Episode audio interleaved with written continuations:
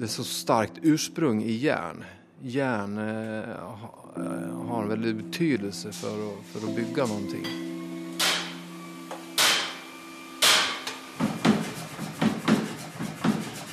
I en smie litt utenfor Oslo ligger nær 900 roser av jern. De er laget av smeder fra hele verden, men også av overlevende og etterlatte etter 22. juli 2011.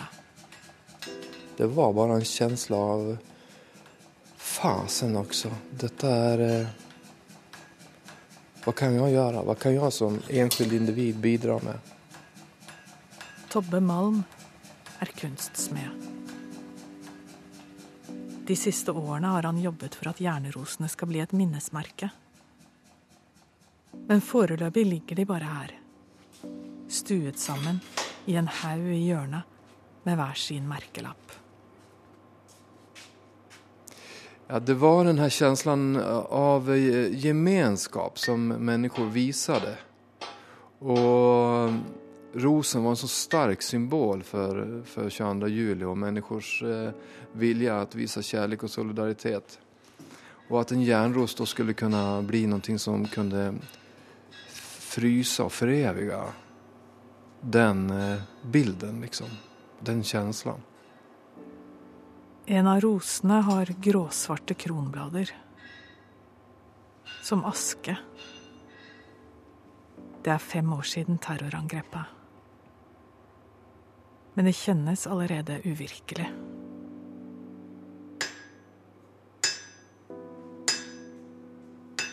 Ja, første gangen jeg kom hit og skulle smi en rose, så kom jeg sammen med mannen min og datteren min og søsteren min og barnebarnet. Så vi skulle smi en rose hver. Og, og det var også første gang jeg møtte Tobbe. Uh, og det det var egentlig enkelt sånn å møte han fordi at han var sånn varm og godt menneske. Men da hadde vi jo liksom uh, ja, samtaler om barna våre, om Utøya, hva som hadde skjedd. Viste litt bilder av Isabel og Jeg er i smia for å møte to mødre. Linda Gren Sogn mistet datteren Isabel. Hun ble drept på Utøya, 17 år gammel. Så det var det var godt å være her. Samtidig som er det jo litt tøft, for det, det blir ganske sterkt. Så var det litt ålreit å ha med barnebarnet, for han fløy rundt her og banka og hamra litt. Og, så det myka opp litt, det òg. Dette her var jo midt i rettssaken, så vidt jeg husker. Eh, så det var jo en tøff, kjempetøff hverdag, og i hvert fall jeg var helt eh, Var nesten fortsatt i sjokk. Lisbeth Kristine Røyneland er mor til Synne. Hun var 18 da hun ble henrettet på Utøya 22. juli. Å kunne komme hit og lage noe så vakkert oppi alt det kalde, det var veldig, veldig fint. Midt i smia står Essa. Et ildsted der jernet varmes opp inni en kullhaug helt til det blir mykt nok til å kunne bankes på og formes med tunge slag mot ambolten. Og smeden eh, har jo blitt mange ganger et rom, en møtesplass, eh, eh, der det blir som det blir. Det er fremdeles glør i Essa. Jeg spør ikke noe særskilt, utan det blir et møte, og noen har lyst til å berette hele sin historie. Noen er litt mer forsiktig. Men framförallt så er det et rum, det får bli som det blir. Det er åpent, liksom. Og det är den som kommer hit, det er deres tid. Så jeg, jeg, jeg finns her for, for dem da, og, og veileder gjennom eh, arbetet av Smin Ros. Da.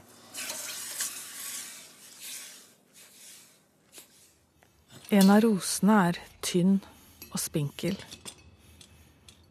Den har en gyllen glød. Banket ut med kjærlig omtanke fra en smed i Nederland, ifølge den hvite merkelappen.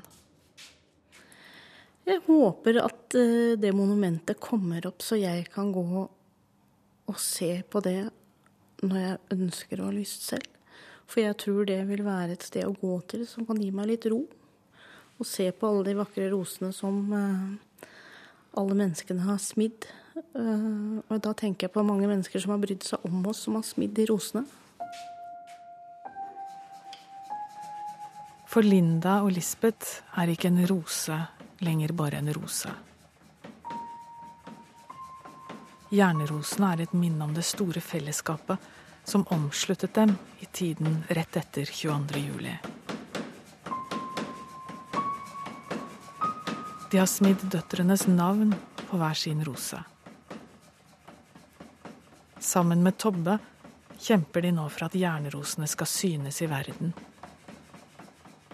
Slik at vi andre også kan se dem. Litt våres prosjekt. Det er vårt prosjekt. Ja, ja. våres prosjekt. Føler at vi er med på det. Men vil vi andre se dem? Jeg tenker så mange mennesker som har sendt roser hit, og delaktig i et sånt, litt sånn kjærlighetsprosjekt, så er det kjærlighet og omtanke. Så er det rart at ingen uh, ser helt det vi ser. Det syns jeg er rart. Det var den høsten da vi alle var i sjokk. Høsten vi gikk i rosetog og sa til oss selv og alle vi kjente, at dette, dette må vi aldri glemme. Det var den høsten Tobbe Malm sendte ut en invitasjon til smeder over hele verden om å smi en rose i solidaritet med dem som ble rammet av ugjerningene.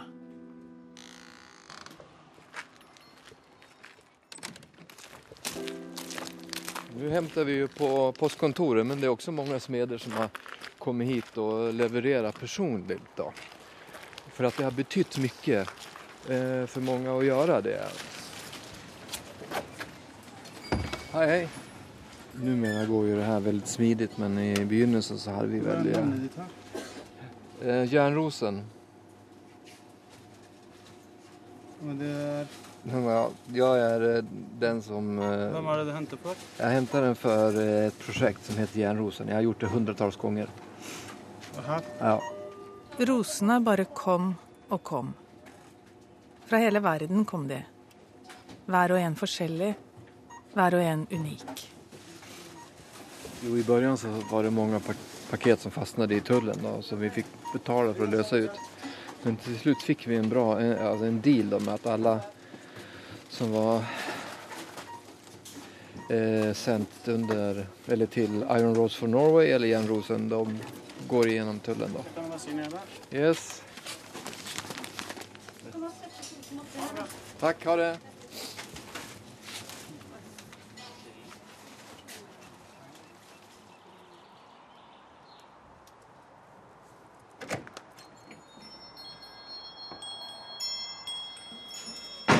Alltid like spennende når man skal åpne en sånn her pakke.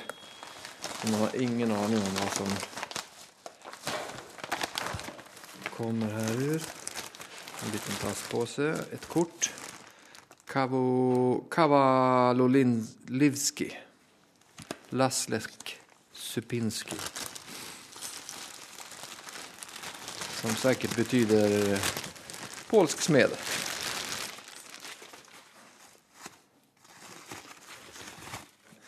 En jättevacker ros eh, som egentligen är två men den har en stilk varpå en ros växer ut från den skälken. Väldigt symboliskt på ett sätt att det kommer alltid någonting nytt. Har jeg virkelig glemt det? Allerede? Det er over 100 000 mennesker på et tidspunkt hvor det er en helt rørende og unik stemning her.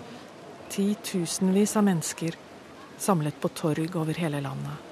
Og folk har eh, reist disse blomstene de har i været, i en helt unik markering her nede. Stillheten. Fellesskapet. Vi bare sto der sammen med hver vår røde rose.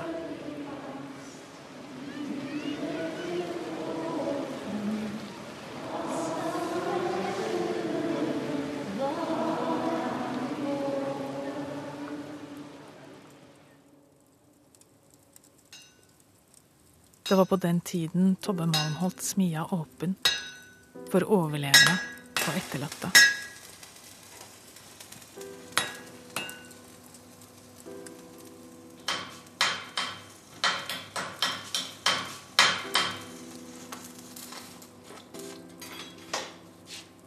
Det var litt nervøst først. Eh, vi, vi visste jo egentlig ikke alltså vilka, är, vilka vi som kan komma och erbjuda människor i en riktigt, riktigt svår situation och djup sorg och saknad och alltihopa ett slags rum för, för att delta i något sånt här. Vi gick på en känsla bara. Den første familien kom og vi hadde gjort en fin stund med kaffe, fika og bare forklare hva som eh, eh som skulle gjøres, hvordan man skulle gjøre.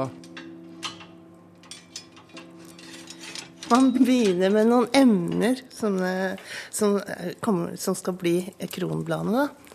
Som man har oppe i, i, i grua, eh, sånn at de blir helt rødglødende. Og så bank, banker man på en eh, ambolt med en hammer eh, og bøyer disse bladene så, sånn at de skal bli lettere å, å forme i ettertid. da. Og så begynner man å, å varme det med en håndvarmer med flamme. Eh, og begynner å bøye sånn sakte, men sikkert, og bøye de oppover, da. Og kunne banke ut en del følelser, rett og slett. Og bøye det stålet etter at det hadde vært i varmen, og gjøre det om til en rose. Det var utrolig fint. En stram lukt av kull. Gnistring og glør i essa. Tapet som hamres inn i jernet på ambolten. Raseri. Savn.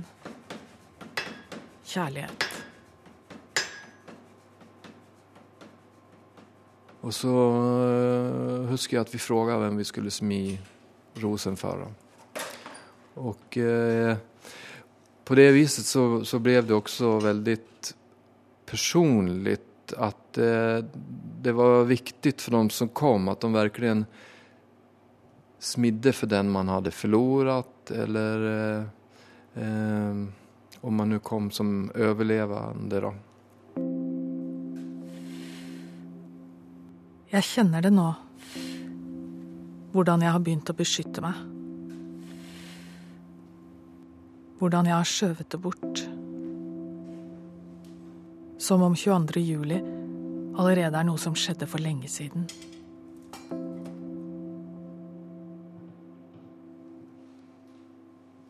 Men her i smia finnes fremdeles nærværet fra etterskjelvene.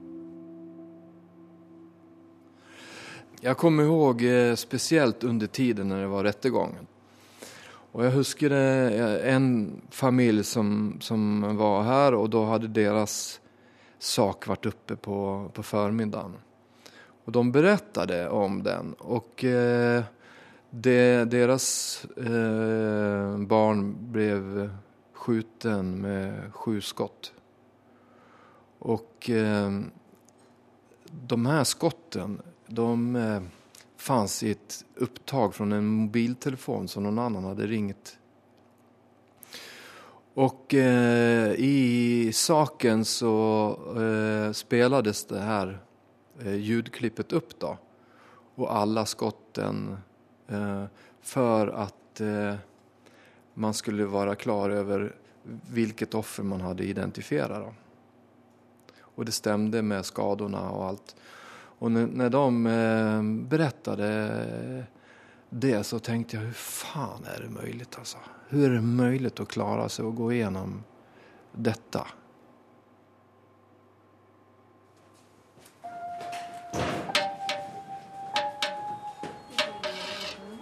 For Lisbeth og Linda er smia blitt et godt sted å være. Jeg stenger bare denne mellomdøren her, så får du litt mer lugn og ro Så, så er jeg her bare. Et sted der det er rom for å snakke om døtrene som ble drept. Uh, Isabel blei aktiv i AUF i august september 2010. Eh, fikk akkurat et år der.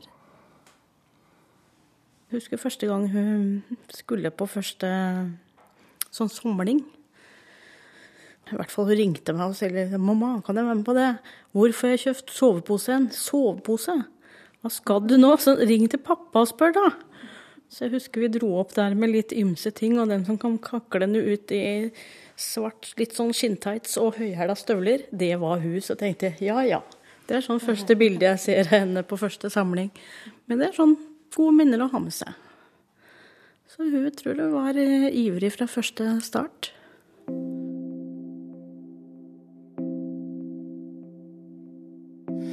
Synne var jo en veldig, veldig utadvendt uh, jente.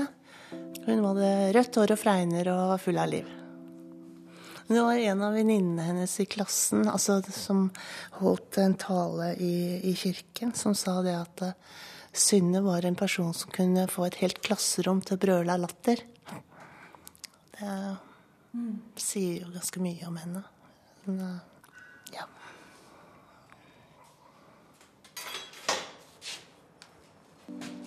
Yes. OK. Vi følger etter. Lisbeth og Linda er på besøk hos Tobbe for å se på de nye rosene på loftet. For at vi trenger jo gjøre en plan nå med, med de roser som er nye, som vi ikke har registrert. Ja. De håper at Oslo kommune kan være interessert i Hjerneroseprosjektet som sitt minnested. Mange norske kommuner har et eget minnested for ofrene etter 22.07. Men i Oslo har etterlatte ennå ikke noe sted å gå. Det er ganske mange roser siden vi, vi, gjorde de siste, faktisk. Oi, det er bra. Eh, ja. Det er fint. En av de siste det er de svenske rosene. Det kommer fra en eh, sånn eh, weekend som eh, et gjeng smeder hadde. da. Og så snudde de altså. Det var det. Oi, se her. Kjempefin. Det. Og så fikk vi fra Polen da, for noen uker siden. Det her er de siste. Det siste her. Det er fire eller fem stykker. da. De fra Ukraina, har du de her? Ligger de her et eller annet sted? Nei, de tror jeg Nei, ja, det er de, ja. De, de nye, mener du, ja. Som den dere tok imot? Yes. De ligger også her et sted. Nå roper familien på meg. Jeg skal bare ta om at vi er opptatt. Hei. Veldig fin. Se på den nå. Ja. Så forseggjort med, med de bladene på siden av. Det fint. Ja. Den var blankere, da. De har pussa litt på det.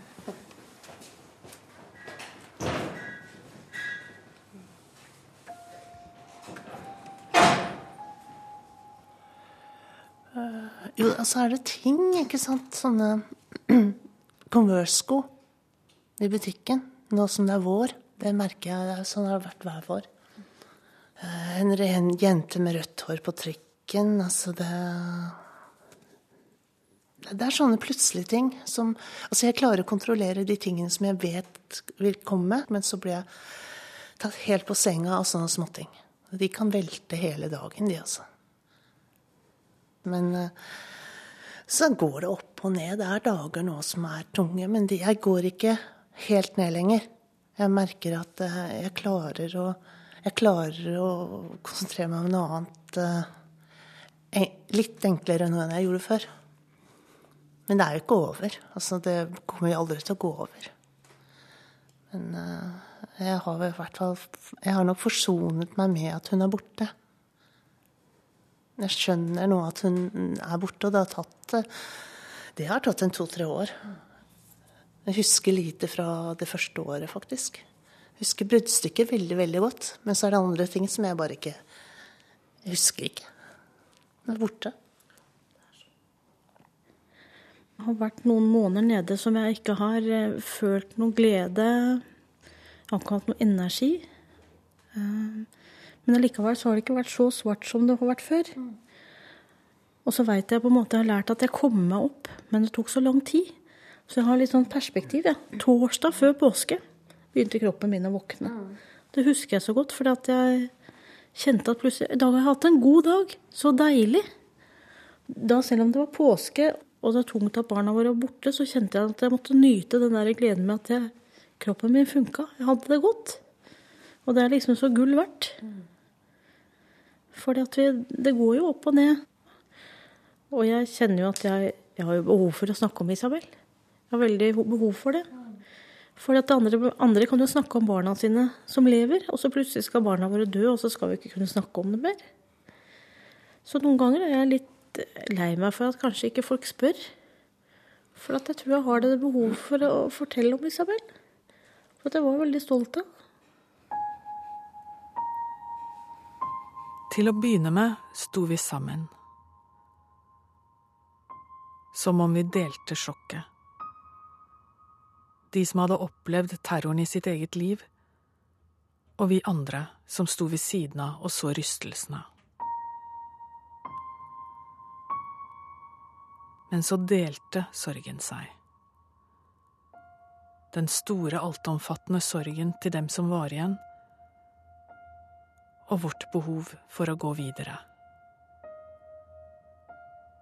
Har vi glemt for fort? Nå kommer terroren snart til Norge, står det i avisa etter terroranslaget i Paris. Men jeg tenkte i forhold til med terroren mm. Det var snakk om det der at nå kommer terroren til Norge. tenkte jeg, Skjedde med våre barn, da? Hva var det, da? Er det bare Bare det glemt, da? Største oppslagene i avisene. Nå kommer terroren snart til Norge. Jeg så på det. Jeg åpen munn tenkte hva?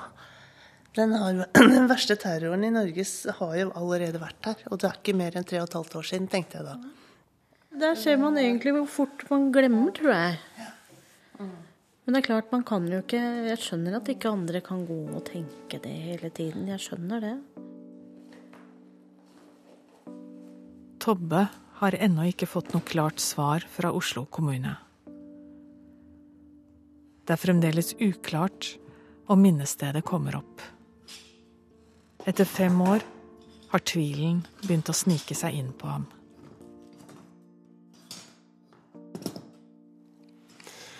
Det vanskeligste er at eh, jeg har ikke eh, jag har inte projektet i mina händer. Jag är beroende av att många har lust att vara med och eh, se till att vi kan resa det här, att vi kan bygga det, att vi kan avsluta.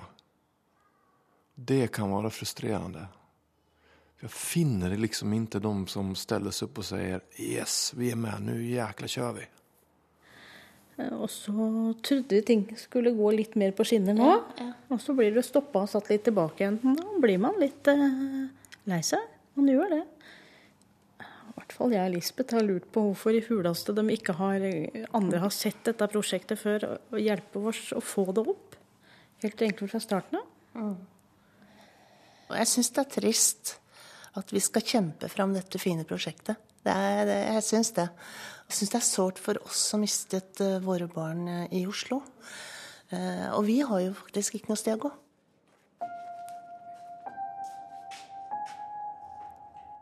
Tiden går. Hva gjør den med oss? I møte med Linda og Lisbeth kjenner jeg hvor tungt det er å møte deres sorg som om jeg bare vil haste videre. Egentlig er jeg veldig glad jeg slipper å stresse. På den annen side så, så tenker jeg at uh, alle så har vi våre skjebner. og Jeg, liksom, jeg tenker, ser mennesker stresse rundt meg, tenker jeg at hvordan har de det egentlig? Og... Det er snart jul. Lisbeth har funnet fram en rød duk til stuebordet. I sofaen sitter et par nisser. Jeg føler meg litt tom akkurat nå, egentlig. Jeg gjør det, altså. Jeg har gruet meg til å komme. Det kommer veldig plutselig kastet på noen ganger. Sånn som å gå i butikken og se de yndlingstingene som jeg vet at Synne ville gått og sett på, da. Jeg har gruet meg til å komme så tett på fraværet.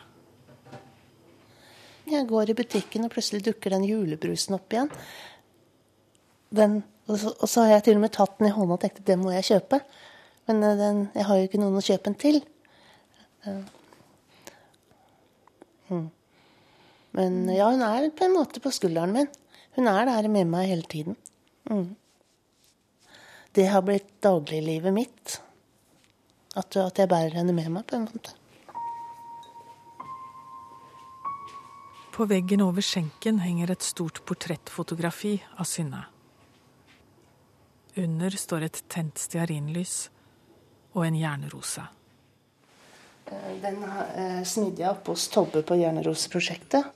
Jeg trodde jo aldri jeg skulle klare å smi en rose. liksom, De er så vakre og fine. Men eh, de hadde noen maler og, og, og hjalp oss så godt de kunne, og det ble en rose til slutt.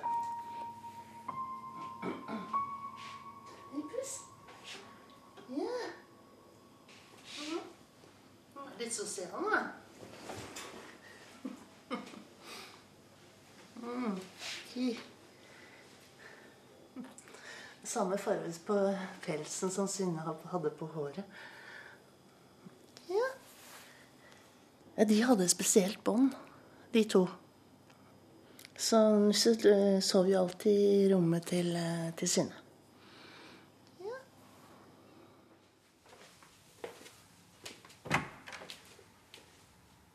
et altfor ryddig tenåringsrom. Og ved sengen en serie små fotografier. En jente med rødt hår som ler mot kamera. Innerst i værelset et lite kott. Og her har jeg samlet alle de tingene som, som jeg har tatt vare på da, fra fra tegninger og kameraet hennes og de tingene som jeg fikk tilbake med bagasjen. da. Det er ikke så ofte jeg, ofte jeg går inn her. Det er ikke det. Mm. Og Der henger bl.a. Eh, bamsen hennes. Den er helt utslitt. Den brukte hun og koste med siden hun var nyfødt omtrent. Hun fikk den. Jeg, jeg fikk den til henne på sykehuset. Ja. Ellers så har jeg også her har jeg tatt med, samlet alt det jeg skal gi bort til jul. Altså jeg skal pakke litt seinere i kveld.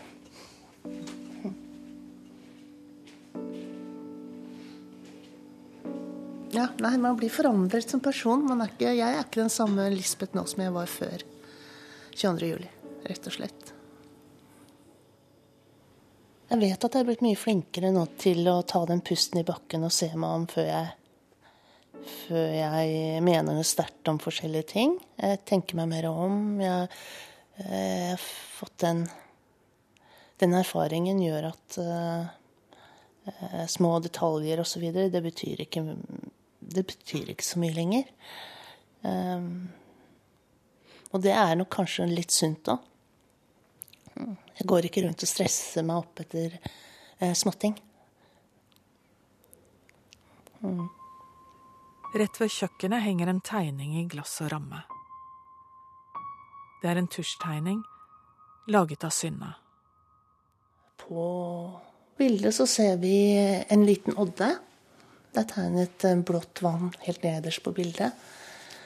Og der sitter en ung jente på, ytterst på odden med beina nesten ned i vannet. Og så er det en kvinneskikkelse som jeg tolker som eh, kanskje er mammaen som holder henne eh, på skuldrene nesten for å beskytte henne på et vis. Og det ligner til forveksling på, på Stoltenberget på Utøya. Veldig rart at det, eh, det er så likt det stedet hun ble drept.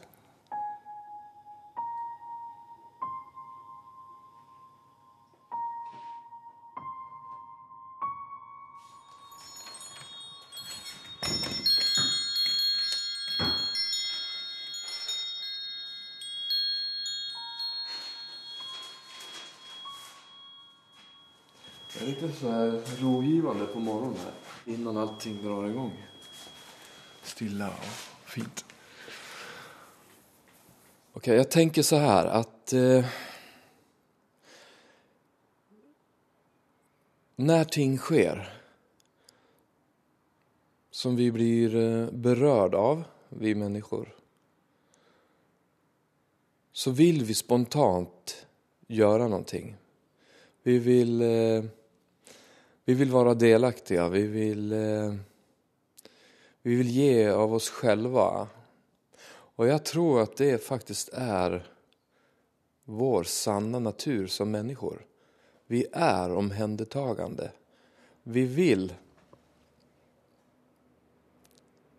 ta hand om, vi vill eh, bidra, vi vill ställa upp, vi vill eh, hålla flocken samman på ett eller annat sätt. Men vi må også være ærlige at i det här projektet så har vi støtt på en del bakslag som, eh, som har vært ganske jobbige. Framfor alt at eh, noen har lovet å støtte prosjektet, og så sen så forsvinner man bare ut i periferin Og uten å gi svar, uten å svare på mail, uten å svare på telefonsamtale osv. Uten bare er tyst. Och tystnaden har varit det svåraste i det här tror jag. För mig är det alltid bättre att eh, ha en sanning och en verklighet att förhålla mig till. För det är aldrig farligt. Om någon säger yes, detta är vi med på. Fint, välkommen. Eller säger nej, vi kan inte. Okej, tack för svaret. Det är helt okej. Men tystnaden, det gör mig fan galen ibland alltså.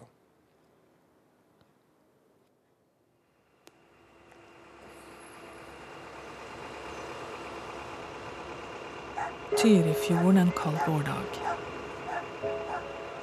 Foran oss ligger Utøya. Innhyllet i en grå, fuktig regntåke. Linda har bedt meg være med ut. Hun tror det er viktig for at jeg skal forstå. Første gang vi var på Utøya, så var det vel første gangen vi hadde mulighet til å være der, hvor vi blei eh, fulgt over med en fra Røde Kors, som vi ble tatt imot på øya. Ble sittende i et sånt varmetelt. Det var veldig dårlig vær den dagen. Det regna og kaldt.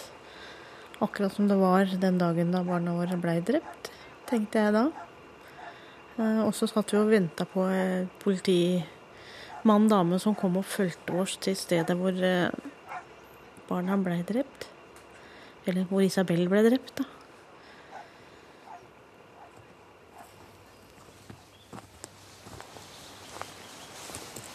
Skal vi se om vi kommer opp til myndigheter her Nå oppe. går vi inn på kjærl kjærlighetsstien. Isabels far, Jon Inge Sogn, er også med.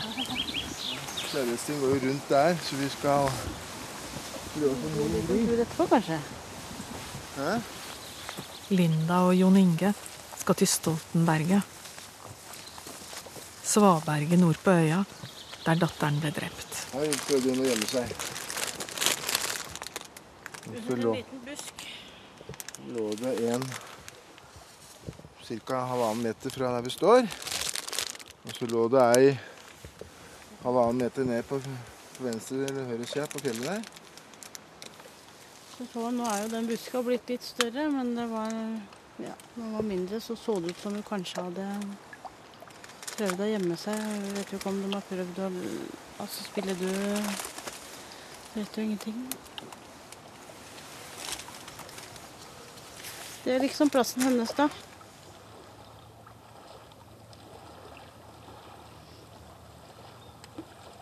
Hun løp en del sammen med andre ungdommer. Eh, Både det jeg vet på telefon, og det hun sendte meg en melding.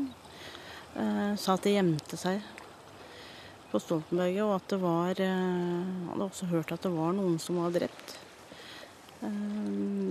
Eh, så Isabel har vel Jeg tenker at hun har valgt å prøve å gjemme seg nedi her på håp på at man ikke ble sett. Eh, vi tenkte først om det kunne ha sklidd ned eller noe sånt, men det ser ut som hun har lagt seg der. Og her ble hun eh, henretta med tre kuler.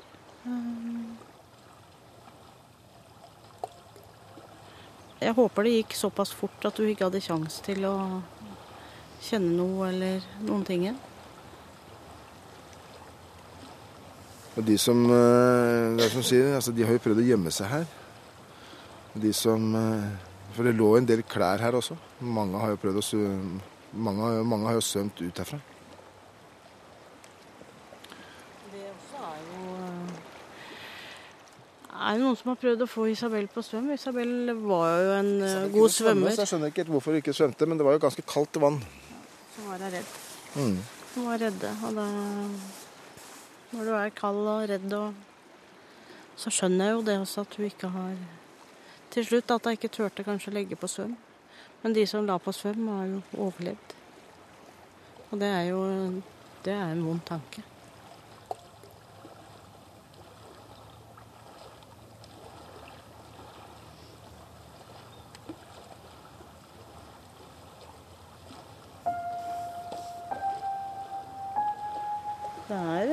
Like sterkt hver gang, for det, det er jo helt uh, utenkelige greier. Det er jo det. Jeg tenker Når folk spør er ting bedre nå, er ting lettere nå, så tenk på Det som er forskjellen, er jo faktisk det at man må lære seg å leve med det. Men savnet er ikke mindre vondt, eller man har mindre vondt inni seg. Det er ikke sånn det funker. Men jeg så her i fjor sommer når vi hadde med noen venninner av Isabelle som satt her, og det Da kjente jeg på det der viktige med at Utøya lever videre med latter og sang og gråt og alt på en gang. Det var godt at de var med her. Mm.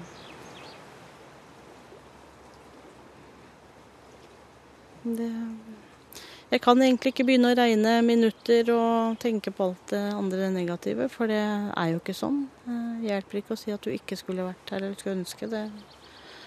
Så da må jeg heller dra fram de gode minnene. Jeg var flink til å drive med håndarbeid og hadde alltid et eller annet å tusle med. Dansa og hoppa hørt musikk og ja.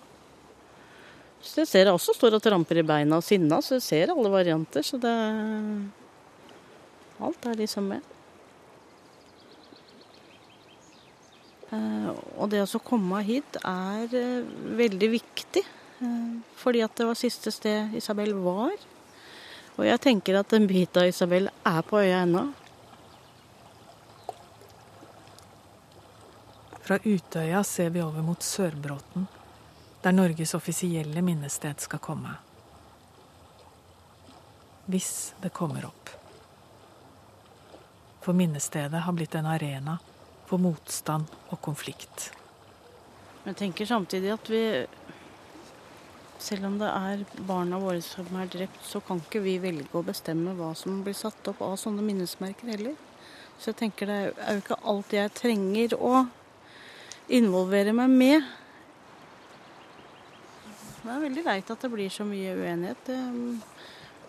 Men det er, ingen store, det er ingen uenigheter om Jernroseprosjektet. Hjerneråseprosjektet. Det største uenigheten er nå hvor vi skal få det opp hen. Håper bare at det kommer opp på et eh, flott egnet sted.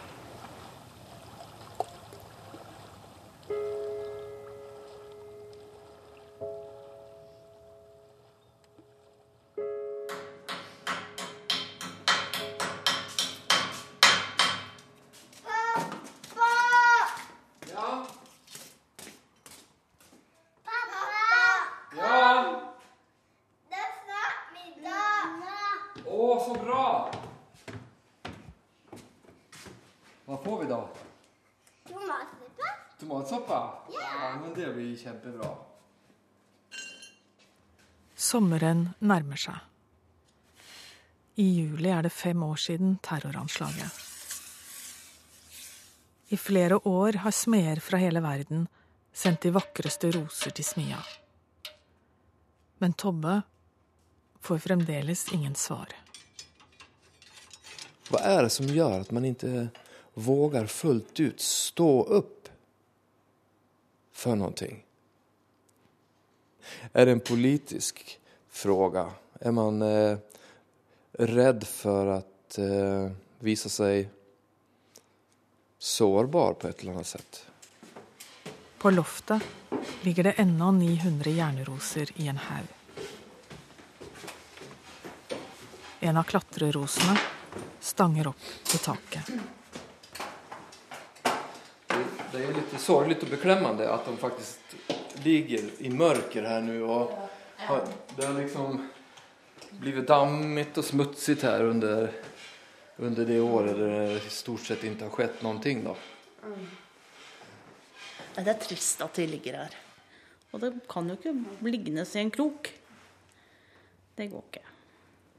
Det jeg har opplevd også eh, siste tiden når jeg prater med, med folk i andre sammenheng, det er at nå begynner börjar man bli redd for å ta i den här frågan.